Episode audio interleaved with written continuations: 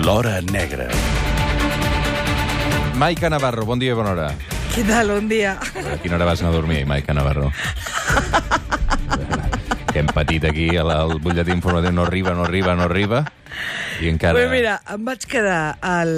Estic preparant una informació molt, molt, molt interessant pels lectors de La Vanguardia, que després compartirem, evidentment, amb els oients de, Sempre del coles, suplement. la, sempre coles la falca, eh? No, però si em preguntes... Prepararem la moneda. sincera. Era sobre els avanços en la investigació del crim de Susqueda.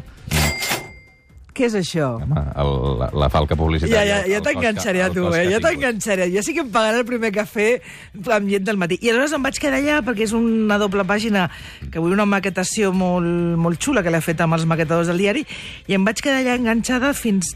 Jo sóc una nota... A mi m'encanta la redacció de La Vanguardia a la nit quan no hi ha ningú. Ja em Segona vegada que diu La Vanguardia. Ja em passava amb el periòdico de Catalunya i ara em passa molt així. Quan no hi ha ningú, ningú, només es queden a la planta de sota els Això també ens passa a nosaltres, els del suplement, quan, quan arribem, els caps de setmana a primera hora. Que no hi ha ningú, ningú, Arribem ningú, a les 5 del ningú. matí, bueno, hi ha informatius, però estem en una altra planta. Sí, sí, hi ha la Doncs- Neus Bonet i tot el seu equip, però clar. Doncs aquesta sensació de i absoluta soledat que arriba el de manteniment, tanca les llums i em diu, què, Maica?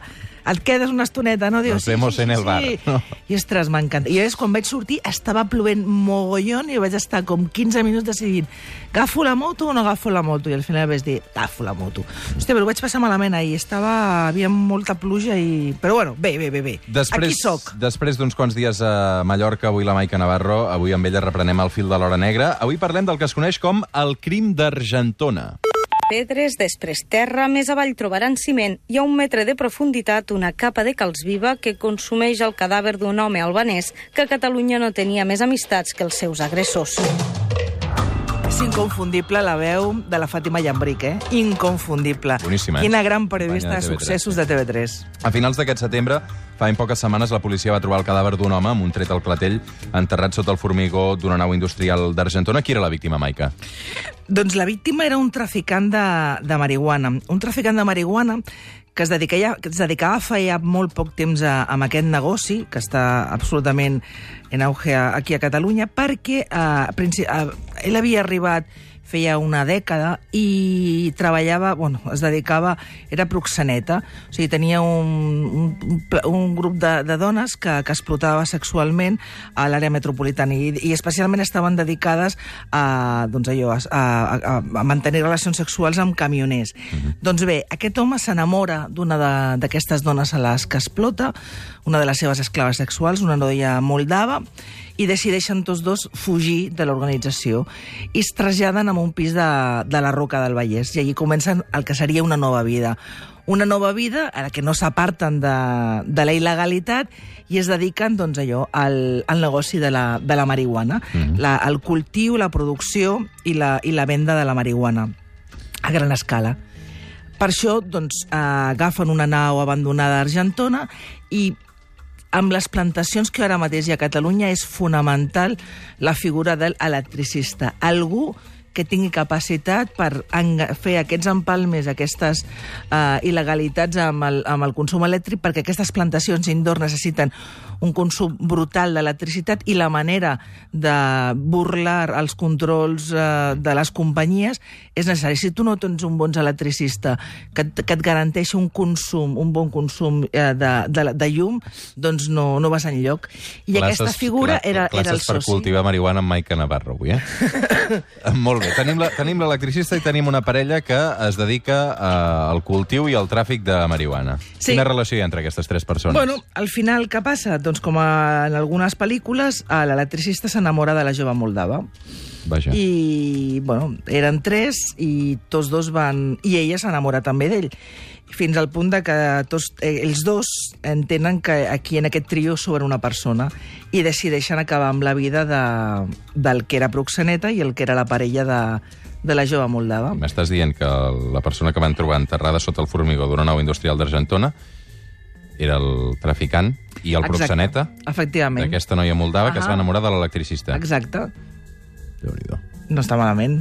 No està malament. Bueno, doncs un dia en aquesta nau d'Argentona que estaven preparant per, pel cultiu de, de marihuana s'havia fet un, un gran forat al terra doncs, on s'havien de passar totes les instal·lacions elèctriques d'aquesta, el que havia de ser una gran plantació i doncs, doncs bé, doncs per la part del darrere el tio confiat perquè era el seu soci i era la seva parella li foten un tret al clatell i, a boca de canó i, i l'enterren. L'enterren amb una capa de, de calç viva i després li fiquen ciment, gairebé, gairebé un metre i mig de, de profunditat.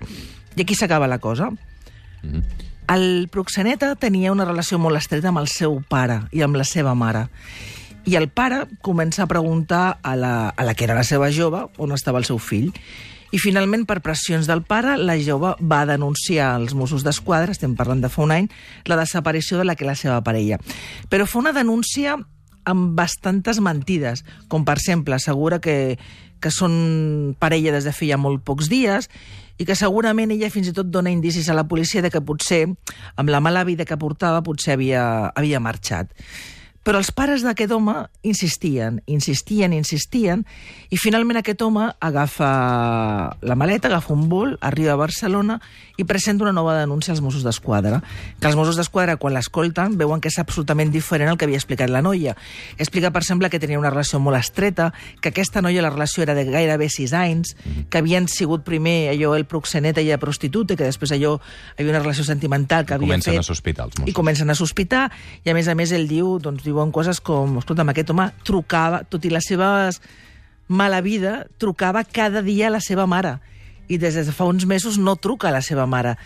I a més a més, bueno, fan uns primers corcoll a la casa de la Roca on vivien, on s'havia instal·lat l'electricista, i troben un element que és molt curiós, les seves ulleres de veure. Aquest ah. home tenia una miopia molt, molt, molt exagerada i sense les seves ulleres de, de veure és que no podia ni sortir per la porta. Els Mossos continuen investigant. Eh, fins i tot tinc entès que van aconseguir col·locar alguns micròfons en diversos punts eh, que podia ser la víctima i va passar això. I no només tenim la informació que podria estar amagat en aquesta nau d'Argentona, sinó que una sèrie de persones volien traslladar el cos perquè aquesta nau la tenien que deixar. Sabem que la volien traslladar, comprar un sac de dormir, ficar el cos dins d'aquest sac, cremar-lo i desfer-se ja del cos per tot. Aquest que escoltem és l'inspector en cap Jordi Domena, que explicava aquest gir eh, en la investigació. Eh, clar, com, com es troba un, un, un cos d'aquesta mena? Doncs primer has de saber, ells el que fan és, quan ja hi ha prou sospites contra la parella, demanar una autorització judicial i, i s'autoritza la, la, la instal·lació de diferents micròfons on escolten en directe el dia a dia d'aquesta parella. I coincideixen en un moment clau, i és que aquest cadàver està gairebé un any enterrat en aquesta nau d'Argentona de, de la que s'han de desfer i que ells, doncs, per una qüestió de prevenció, decideixen treure el cadàver. En aquests moments els Mossos ja tenen clar que ells són els responsables, ho confirmen, i que el cadàver està en aquesta nau. I per tant, clar, però és una nau de grans dimensions, per tant, necessitaven saber, eh, no que pots començar a excavar, a excavar de manera indiscriminada, perquè seria absolutament impossible aconsegueixen d'aquestes converses, eh, amb aquestes conversen, interroguen a la parella i senyalen un punt aproximat d'on podria ser el cadàver sense especificar la congregació del lloc.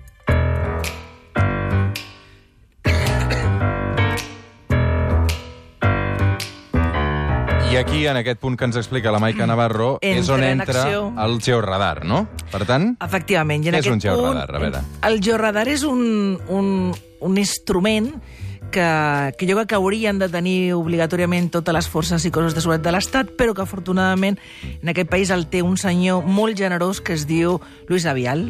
Luis Avial, bon dia, buenos días. Sí, bon dia. Uh, clar, Luis Avial és especialista en georradar, ha ajudat la policia científica dels Mossos a localitzar el cos dins de la nau industrial d'Argentona. ¿Qué es lo primero que se tiene que buscar para encontrar un cuerpo enterrado en hormigón? Bueno, antes que eso me permitiría decir que lo que es fundamental es el trabajo policial. Si el trabajo policial está bien centrado, estas son herramientas que eh, permiten localizar eh, ese cuerpo con muchas mayores garantías ¿no? para la policía científica. Claro. Y en este caso, eh, debo de decirles que la unidad central de desaparecidos de los Mossos es una unidad, en mi opinión, aunque sea políticamente incorrecto, eh, increíble, de nivel técnico. Entonces yo ya he trabajado con ellos en otras ocasiones, como el pantano de Susqueda, y cuando me pidieron esta colaboración, eh, por supuesto tuve que decir que sí, porque yo sé que lo hacen eh, con un nivel altísimo. Yo diría que el más alto que hay en el Estado y he trabajado con, con las otras fuerzas de seguridad. Señora Vial, sí. mm, eh, soy Maika. Buenos días. ¿Qué tal, Buenos Maika? días, Buenos Luis. días. Eh, bàsicament perquè los oyentes lo entiendan. Eh, ja li parlaré en català, perquè a més vostè ja ha treballat amb els Mossos que ho entén perfectament. Um, El que necessitaven els Mossos era que vostè, amb els seus aparells, concretés on estava el cadàver per anar amb més, amb, allò, amb més confiança, amb més garanties i, a més a més, no fer malbé, no estropear el cuerpo de cara pues eso, a la policía científica y demás. Exactamente, es decir, la ventaja del radar, aunque les aseguro que es un trabajo bastante complicado, eh, que nos permite posicionar esas anomalías asociables a un cuerpo, pero exactamente en profundidad, exactamente y diciendo qué estructura hay en su parte superior, Claro. por lo tanto, en cuanto vimos que efectivamente estaba absolutamente encapsulado, le habían colocado unas capas de cemento, unas capas de escombro y debajo unas capas de cal viva para intentar hacer desaparecer el cuerpo. Entonces nosotros pudimos monitorizar la profundidad en la que Claro. tenían que trabajar eh, lo- la policía científica Ujú. y no dañar esos restos, que es muy importante para la investigación policial. Clar, lo, lo que, lo, el que els oients han d'entendre és que els sospitots pots, pots senyalar i dir el cadàver està aquí, però el que necessita la policia és garantir, quan entro a, a, a fer el forat i a treure aquest cadàver, de la manera en garantir aconseguir-lo sense fer-ho malbé, perquè de cara a la policia científica, de cara a l'autòpsia, de cara als forenses, serà fonamental tot allò que el cadàver ens digui de com va ser assassinat. Luis Avial, especialista en georradar, moltes gràcies per atendre la trucada del suplement, està clarificador. S'ha d'explicar que el senyor Avial ho fa de manera gratuïta. Sí? Sempre quan treballa amb els Mossos, la Guàrdia Civil, la Policia Nacional, aquesta col·laboració que, fa, que va fer amb aquesta mateixa unitat de segrest de, de desapareguts, unitat de desapareguts de Mossos, amb el pantà de Susqueda, va ajudar a assenyalar els punts en què podria estar la motxilla de la Paula i l'arma, que encara no s'ha pogut baixar la subaquàtica perquè tenim els pantans amb aquesta quantitat d'aigua que no han pogut fer la feina, però ell sé que l'ha fet. Moltes gràcies, senyora Vial. Muchas gracias. Buen día. Bon, dia. I gràcies també, Maica Navarro. Va trobar ajudar a la tomba del Cervantes, també. Què dius, Cervantes no, del... escolta, un dia el portarem aquí a l'estudi, el coneixerem una mica més de prop. Espera, que ara he fotut la pota. Cervantes, espera, ara és que com estic encara... Estàs adormida. Des, després, després te dic Escolta, exactament i ho dius. Fem publicitat, fem publicitat. Uh, Maica Navarro, una abraçada ben forta, d'acord? Adéu. Fins ara.